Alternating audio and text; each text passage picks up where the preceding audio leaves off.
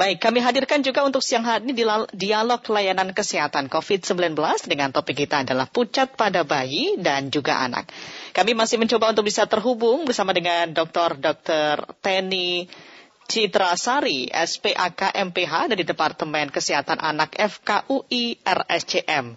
Dan juga untuk Anda pendengar pada siang hari ini juga bisa bergabung bersama dengan kami dengan topik kita adalah pucat pada bayi dan juga anak. Jadi tiap anak itu kan dilahirkan dengan warna kulit masing-masing begitu ya. Ada yang memang punya bawaan warna kulit sangat putih, meskipun berada di bawah sinar matahari begitu ya.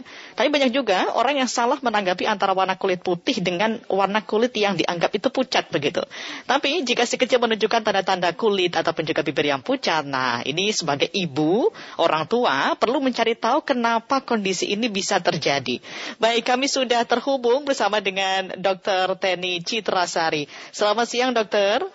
Selamat siang, Mbak. Salam sehat, Dr. Teni. Ya, sama-sama salam sehat semua ya. Baik, ya. dokter, ini kita bahasannya terkait dengan hmm. pucat pada bayi dan juga anak. Tadi sempat saya ulas sedikit bahwa hmm. kan uh, pigmen orang itu kan berbeda-beda ya untuk anak-anak itu. Ada yang uh, punya pigmennya putih, uh, kulitnya putih, tapi ada juga yang uh, kalau kita lihat kok agak pucat begitu ya. Ini yang perlu diwaspadai orang tua. Apakah memang pucat ini karena bawaan genetik atau memang sakit begitu ya? Atau mungkin kita menyebutnya mungkin dengan kata uh, anemia begitu ya dokter? Atau bagaimana? Ini ya, dokter Teri yang lebih paham begitu ya. Baik, terima kasih Mbak Aska. Uh, selamat siang semua, salam sehat ya. Uh, kalau kita bicara pucat, pucat itu uh, sebenarnya bukan sekedar dari kulit, mm-hmm. terutama biasanya ditunjukkan dari uh, keseluruhan penampakan anak tersebut. Jadi bisa dari, uh, terutama adalah bibir ya. Okay. Kita berbicara bukan kulit gitu tapi bisa terlihat dari bibirnya gitu ataupun misalnya mungkin dari telapak tangan mm-hmm. ataupun dari yang pasti sih dari mata yang udah pasti ya. Oke. Okay. Nah, jadi anak yang pucat itu biasanya karena uh, biasanya ditunjukkan uh, karena rendahnya kadar hemoglobin atau kurangnya sel darah merah, mbak, mm-hmm. yang disebut dengan anemia. Kalau kita bicara uh, kalau orang karena pucat itu bisa saja kalau orang ketakutan kelihatan pucat juga. Hmm. Tapi kalau pucat yang dimaksud di sini pucat yang karena memang uh, disebut anemia. Nah okay. ini biasa ditunjukkan dengan uh, biasa kita lihat di uh, apa namanya kelopak mata yang bawah, hmm. mungkin terlihat dengan bibirnya ataupun hmm. misalnya dengan uh, telapak tangannya tadi gitu. Nah Uh, sebenarnya ada penyebabnya ya mbak ya penyebabnya ada tiga biasanya kami menggolongkannya satu karena memang pembentukan yang nggak cukup, okay. ya karena bahannya kurang. Ini yang terbanyak yaitu uh, misalnya zat besinya begitu ya dokter. Zat ya? besi betul sekali itu salah satu contoh. Atau misalnya karena memang uh, misalnya pas menderita kanker darah ya bisa hmm. juga itu membuat si sel darah merahnya jadi juga berkurang karena uh, desakan dari uh, sel ganas tersebut di sumsum -sum tulang. Ataupun misalnya Uh, penyebab lain adalah karena saudara merah ini nggak sempurna dibentuk, jadi hmm. ataupun misalnya pemecahannya jadi banyak sekali sehingga antara kecepatan pembentukan dengan kecepatan uh, penghancuran itu lebih tinggi okay. penghancuran sehingga dia juga pucat. Atau yang paling gampang sih yang terlihat adalah kalau emang pengeluaran darahnya banyak sekali, misalnya kecelakaan -hmm. kayak gitu ya, pasti kelihatannya pucat. Nah kalau kayak gitu selain tadi terlihat uh, pucat yang tadi uh, kita sudah bahas sebelumnya, biasa kalau memang terjadinya lama kadang-kadang ibu juga nggak nggak betul kata Mbak Aska. Kadang-kadang yeah. merasa nih jangan-jangan anak saya memang putih dok katanya gitu itu sering sekali kami dapatkan. Padahal sebenarnya anaknya pucat gitu. Nah tapi kita biasa melihat ada gejala lain yaitu biasa anaknya itu uh, kurang aktif gitu ya. Okay. Uh, uh, kalau anak-anak yang lain kan uh, anak tuh harus aktif soalnya normal ya. Jadi kalau anaknya itu terlihat diam begitu, diem itu perlu waspada juga orang tua ya. Waspada, betul ya. Jangan-jangan uh, atau misalnya mungkin anaknya biasa di sekolah tetapi sulit berkonsentrasi, mudah hmm. lelah, kita juga harus jangan-jangan sebenarnya anak kita pucat gitu. Hmm. Nah, biasanya selain pucat nanti kita uh, kita juga harus waspadai gejala lain biasanya ya kalau memang tadi itu tadi di jalan saya sebutkan itu biasanya karena kekurangan zat besi ya. Tetapi kalau dia karena kekurang misalnya kayak contohnya kanker darah gitu kan pasti ada gejala lain selain pucat ya. Misalnya mungkin ada bintik-bintik perdarahan di kulit hmm, okay. atau perutnya membesar seperti itu. Nah itu harus dilaporkan kepada dokternya dan itu memang harus membawa anak uh, harus dibawa anaknya supaya untuk dicek kita ya? bisa iya betul. Nah nanti kalau dicek apa yang dicek yang paling gampang kadang-kadang dok saya takut dok bawa anak saya ke dokter mm -hmm. ke rumah sakit takut covid ya nah, gitu ya karena masih musim-musim pandemi ini masih serba serba dilematis ya orang tua kalau mau membawa betul anaknya sekali. ke rumah sakit ya dok ya betul Nah, bisa saja misalnya ada beberapa uh, laboratorium yang kadang-kadang memberikan layanan ke rumah, misalnya mm -hmm. meminta periksa darah atau memang terpaksa kita ke lab aja dulu misalnya boleh juga. Di situ nanti kita minta uh, pemeriksaan darah yang sederhana dulu, misalnya darah tepi kayak gitu. Nanti biasa dari situ banyak informasi yang dokter biasanya uh, ada apa namanya kecurigaan ke arah hmm. mana. Hmm. Baik. dari situ okay. kita akan tentukan penyebab. Baik. Itu mbak. Oke, okay. Dokter Teni kita juga undang untuk pendengar bisa bergabung bersama dengan kami dalam dialog layanan kesehatan siang hari ini ya dok ya. 021 352 3172 021 384 4545 021 386 6712. Untuk WA kami pendengar 081 399 399 888. Nah, dokter tadi kan uh, kita bisa mengecek apakah anak kita atau bayi kita ini uh, hmm. mengalami anemia itu salah satunya adalah ketika kita melihat telapak tangannya itu dingin. Itu bukan karena mungkin ada efek dari lemah jantung atau apa begitu dok? Oh kalau telapak tangan dingin itu memang satu pertama yang dilihat adalah ruangannya dingin nggak gitu. Mm -mm. Itu dulu. Nah, yeah. Kalau ruangannya dingin ya wajar dong dingin kan. Iya. Atau misalnya uh, kadang-kadang ada anak yang memang mau demam tinggi karena juga uh, di apa dimulai dengan uh, kaki tangannya dingin. Tapi kalau misalnya lagi demam, kaki tangannya dingin, bisa mau mau menjelang panas hmm. atau memang gejala yang lebih serius. Biasanya kita kalau memang ada gejala seperti itu, pertama biasa sering dilihat ada pada demam berdarah ya, demam yeah. berdarah dengue gitu tuh. Itu harus segera dibawa deh untuk dipastikan. Persoalan lemah jantung, nggak uh, selalu dengan kaki tangan dingin sih, mm. justru lebih biru biasa. Lebih biru ya, oke okay, baik. Ya, biru. Ini kan kekurangan eh, zat besi ya, uh, dokter ya. ya. Nah, zat besi ini kita bisa dapatkan dari mana? Ataukah memang dari asumsi, uh, dari asupan maksudnya ya dikonsumsi oleh si ibu ketika hamil begitu ya? Ya, uh, sebenarnya uh, terutama memang ada kalau uh, kekurangan zat besi ini, pertama kita harus lihat dia lahirnya prematur atau bukan, hmm. gitu ya. Makin cepat dia lahir uh, sup, uh, apa supply zat besi dari ibu jadi cepat hilang kan okay. gitu ya logikanya. Atau misalnya uh, anaknya gemuk sama kurus itu beda. Kenapa? Karena gemuk itu uh, makanya dokter-dokter anak sekarang nggak menganjurkan untuk anak tuh gemuk gitu. Bukan apa apa karena pada keadaan gemuk uh, sasa tubuh itu berkali lipat lebih banyak bertumbuhnya dibanding normal nah itu juga beresiko untuk kekurangan zat besi nah bobot normalnya berarti berapa dok Nah itu sesuai dengan usia ataupun hmm. tinggi badan gitu. Hmm. Kalau saya lihat karena gizi sekarang baik ya, itu tinggi badan dan berat badan anak-anak itu memang kelihatannya tinggi, tetapi biasanya dokter akan menentukan ini anak gemuk atau bukan. Prinsipnya obesitas itu harus di uh, sudah ditekan nggak boleh gitu ya, ya. dari sedini mungkin betul.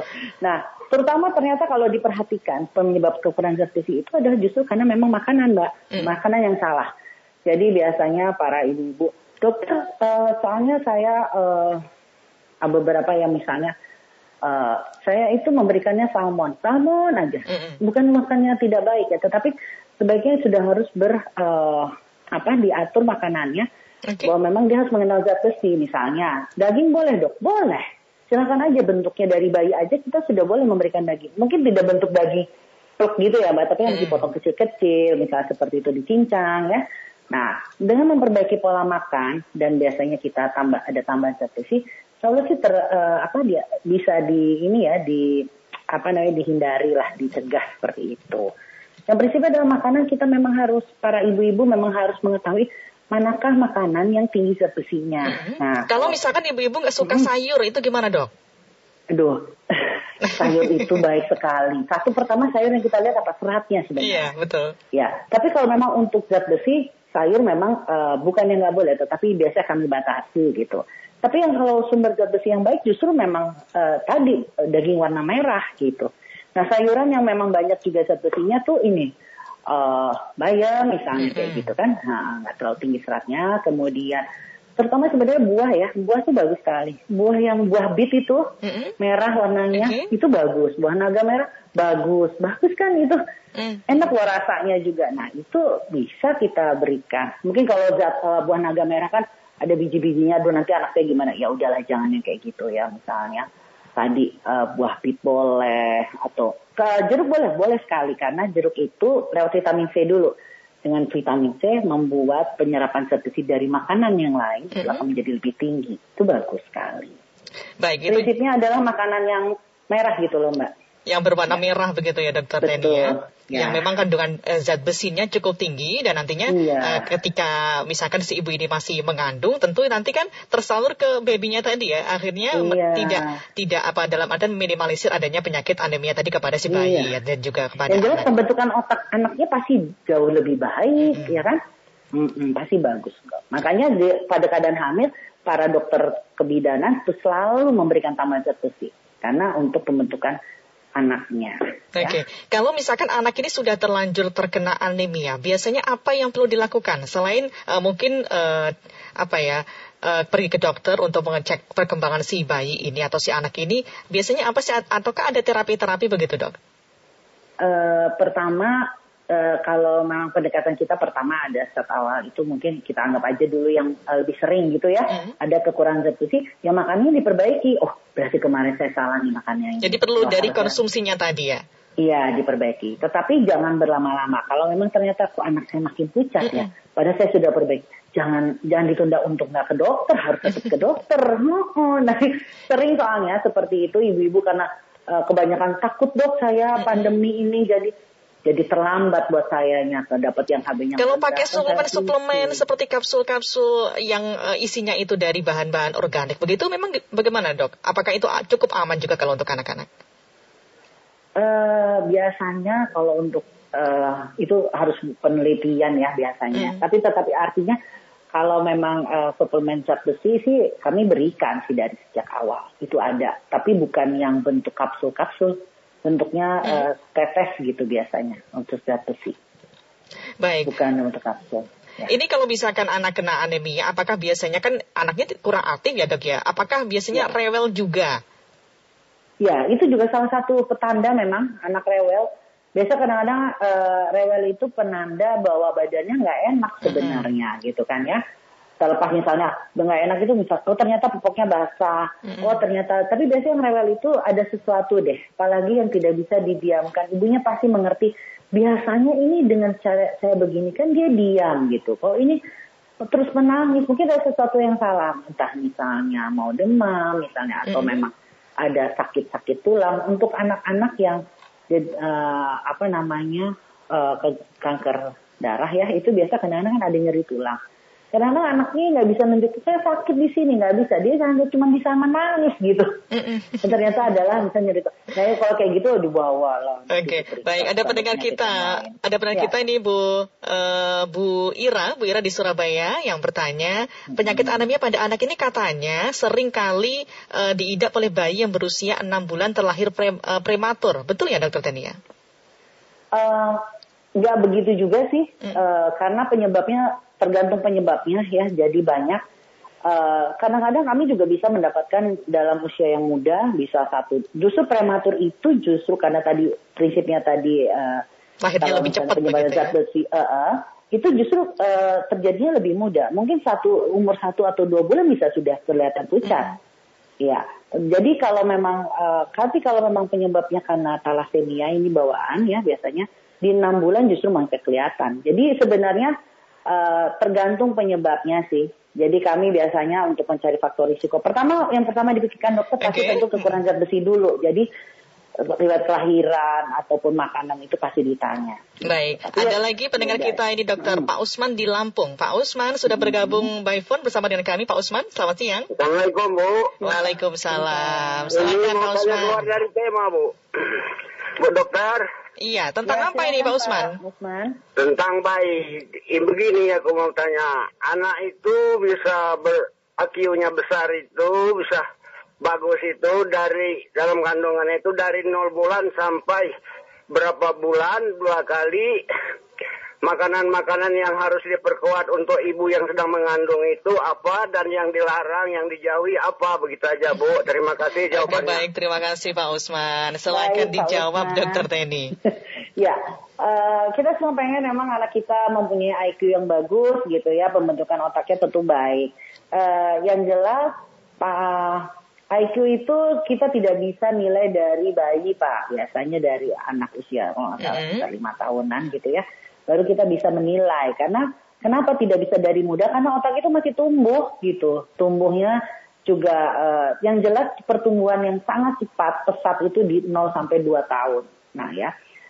Dari situ memang pembentukan sudah dari bayi dari hamil. Betul kata bapak bahwa kita makanannya ibunya juga harus bagus. Konsumsi makannya harus bagus zat gizinya bagus Nah, supaya nanti pembentukan anaknya pun insya Allah jadi bagus gitu ya. Jadi IQ anak itu memang maksudnya otak sih ya. Saya cerita otaknya itu sudah terbentuk dari waktu dia dalam kandungan. Oke. Okay. Nah, kalau untuk makanan yang hmm, perlu dihindari apa dokter? yang yang berbahaya pastinya yang aneh-aneh. Contohnya seperti apa biasanya? kalau kemarin sempat ada yang juga tanya nanas itu boleh nggak sih kalau untuk ibu-ibu hamil begitu? Nah, itu ya. Saya itu uh, ada yang pernah saya baca katanya itu uh, apa mitos, tapi ada hmm. juga ternyata kalau ada yang beberapa bilang katanya mungkin bisa.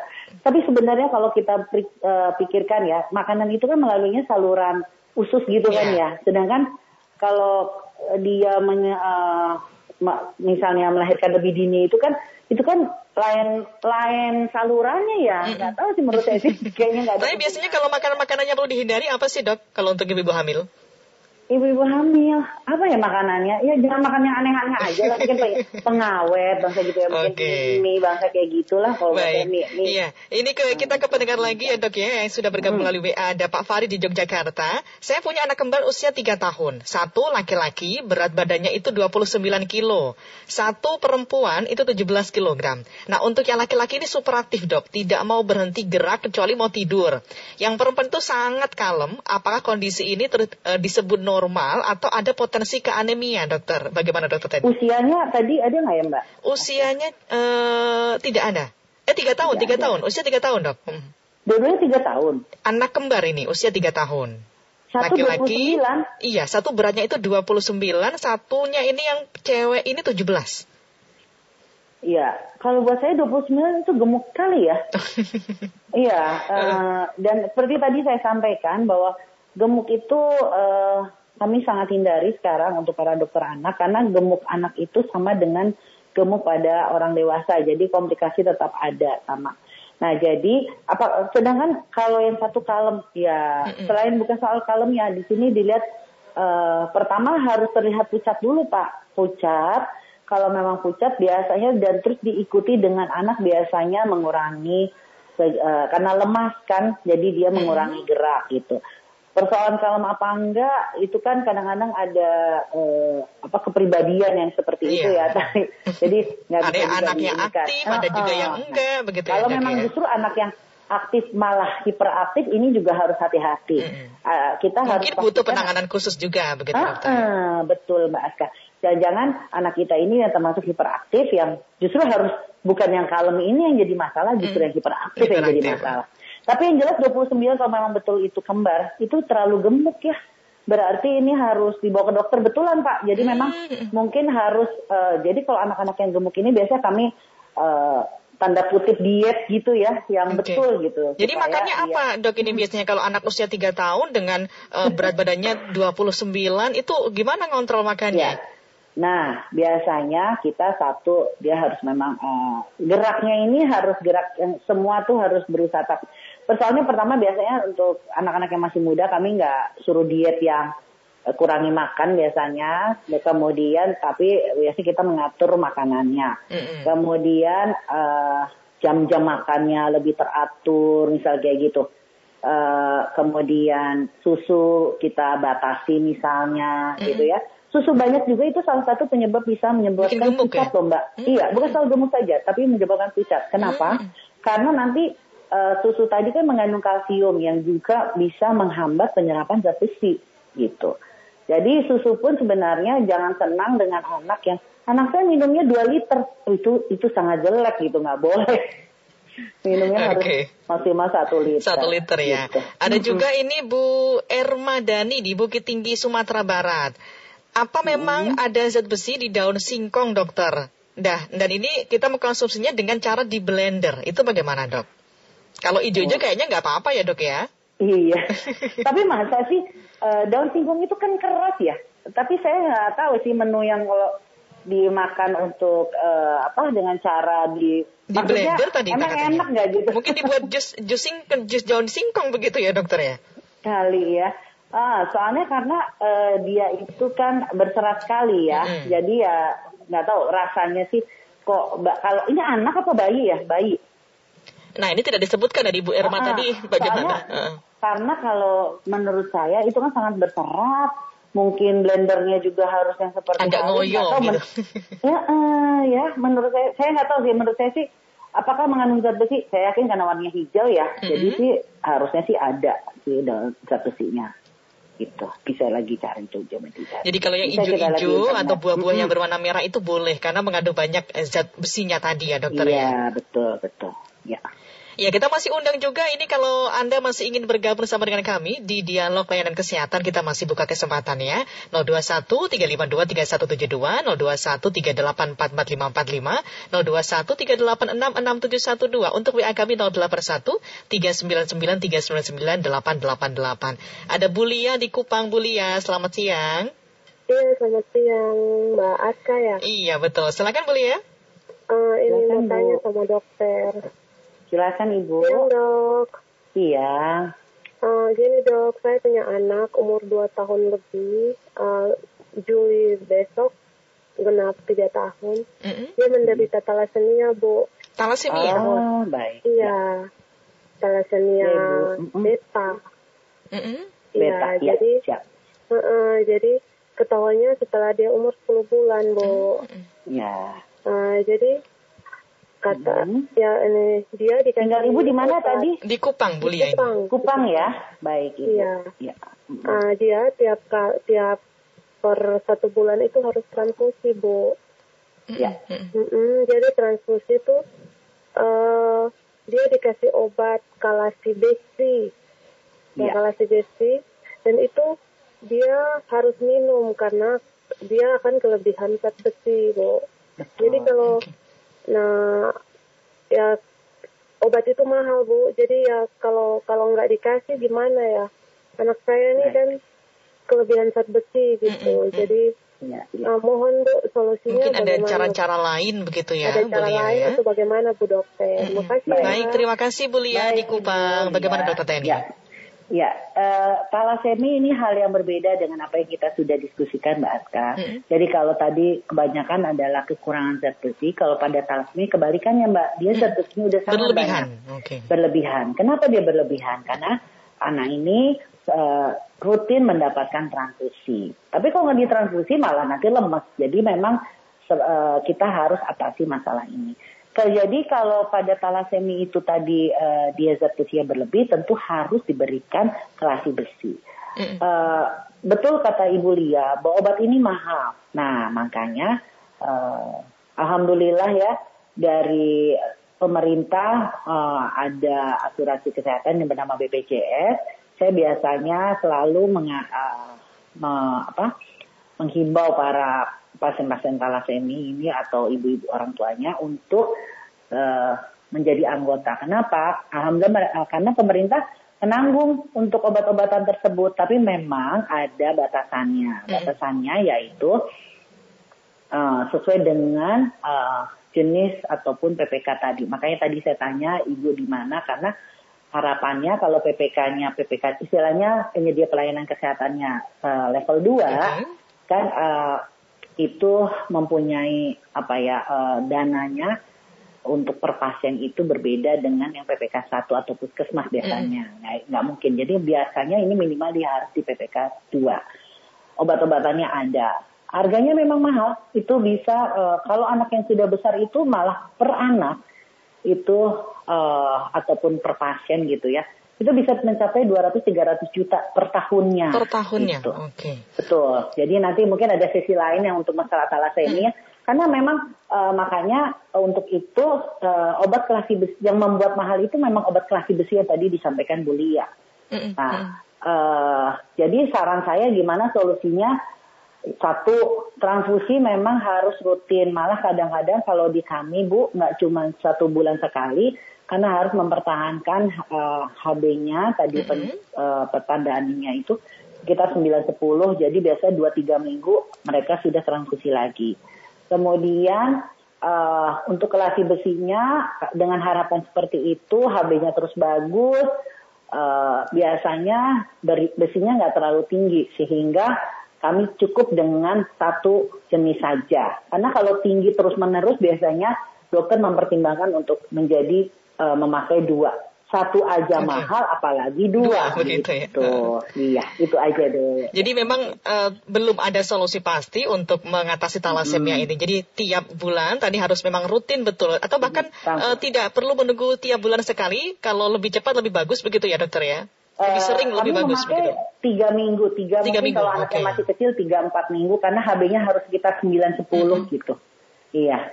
Oke, okay. baik. Terima kasih hmm. Dokter Teni sudah berbincang dengan Pro 3 di siang hari ini. Tema kita adalah pucat pada bayi dan juga anak. Uh, mungkin uh, se ini terakhir ya, Dokter ada himbauan begitu atau mungkin apa pesan-pesan kepada ibu-ibu yang punya ya. anak uh, pucat atau mungkin pucat, ya. masih belum sadar bahwa anak kita itu ternyata kena anemia begitu. Silakan. Baik. Uh, jadi untuk anemia ini bukan uh, suatu diagnosis, jadi biasanya ada penyebab lain di belakang itu. Untuk itu kita memang harus pastikan uh, jangan terpukau dengan kulitnya yang putih cantik, tetapi lihatlah juga dengan telapak matanya, ya bibirnya mungkin atau telapak tangan, kemudian uh, dan biasanya kita pastikan dengan pemeriksaan uh, darah yang uh, darah seperti yang sederhana. Baik. Itu saja. Baik, terima kasih Dokter Teni. Selamat siang, salam sehat Dokter. Selamat siang, selamat salam sehat Ibu. Dokter Dokter Dokter Dokter Teni Citrasari, SPAK MPH dari Departemen Ilmu Kesehatan Anak FKUI RACM.